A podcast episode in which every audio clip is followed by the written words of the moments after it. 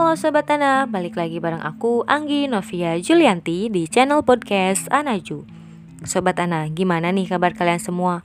Tetap sehat kan? Aku berharap di mana pun kalian berada, kalian tetap selalu jaga kesehatan Dan kalian juga jangan lupa untuk selalu menerapkan protokol kesehatan ya Oh ya Sobat Ana, pada episode kali ini aku akan membahas sesuatu hal yang berbeda dari episode-episode sebelumnya Nah, pasti kalian penasaran kan apa yang akan aku bahas? Yuk dengerin podcast aku sampai akhir. Oke Sobat Ana, kali ini aku akan membahas tentang moderasi beragama. Apa sih moderasi beragama itu? Moderasi adalah jalan tengah atau sering diartikan sesuatu yang terbaik. Sesuatu yang ada di tengah biasanya berada di antara dua hal yang buruk, jadi, moderasi beragama adalah cara pandang atau sikap dan praktik beragama yang mengamalkan esensi ajaran-ajaran agama yang hakikatnya mengandung nilai-nilai kemanusiaan dan menebarkan kemaslahatan bersama. Orang yang mempraktikannya biasa disebut moderat. Menurut Quraisy Shihab, terdapat tiga prinsip dasar moderasi beragama. Yang pertama, prinsip keadilan – Prinsip ini memiliki posisi yang sangat penting dan utama dalam kaitannya dengan beberapa makna lainnya. Yang kedua, prinsip keseimbangan, yaitu pemahaman dan pengamalan agama secara seimbang.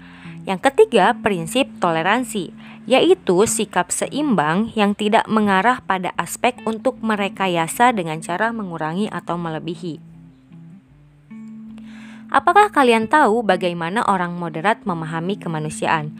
Orang moderat akan memperlakukan mereka yang berbeda agama sebagai saudara sesama manusia dan akan menjadikan orang yang seagama sebagai saudara seiman. Nah, orang moderat akan sangat mempertimbangkan kepentingan kemanusiaan dibandingkan kepentingan keagamaan yang sifatnya subjektif. Bahkan dalam situasi tertentu, kepentingan kemanusiaan mendahului subjektivitas keagamaannya. Kalian pasti bertanya-tanya, apakah sama antara moderasi beragama dengan moderasi agama? Jawabannya tentu tidak sama.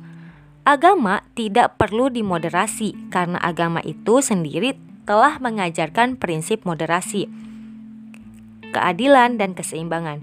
Jadi, bukan agama yang harus dimoderasi, melainkan cara penganut agama dalam menjalankan agamanya itulah yang harus dimoderasi karena tidak ada agama yang mengajarkan ekstremitas, tapi tidak sedikit orang yang menjalankan ajaran agama berubah menjadi ekstrem. Nah, sobat Ana, perlu kalian ketahui bahwa moderasi beragama sangat diperlukan karena moderasi beragama adalah upaya mengembalikan pemahaman dan praktik beragama agar sesuai esensinya, yakni untuk menjaga harkat, martabat, dan peradaban manusia, bukan malah sebaliknya. Peran pemerintah dalam mewujudkan masyarakat moderat sangatlah penting karena pemerintah harus memfasilitasi terciptanya ruang publik untuk menciptakan interaksi umat beragama. Jangan sampai pemerintah malah melahirkan regulasi dengan sentimen agama tertentu yang bersifat diskriminatif dan diberlakukan secara umum di ruang publik. Kehadiran pemerintah hanya untuk memfasilitasi, bukan mendiskriminasi. Nah, mungkin itu tadi yang bisa aku jelaskan terkait moderasi beragama. Semoga bisa bermanfaat untuk kalian semua dan terima kasih banyak telah mendengarkan podcast aku sampai akhir.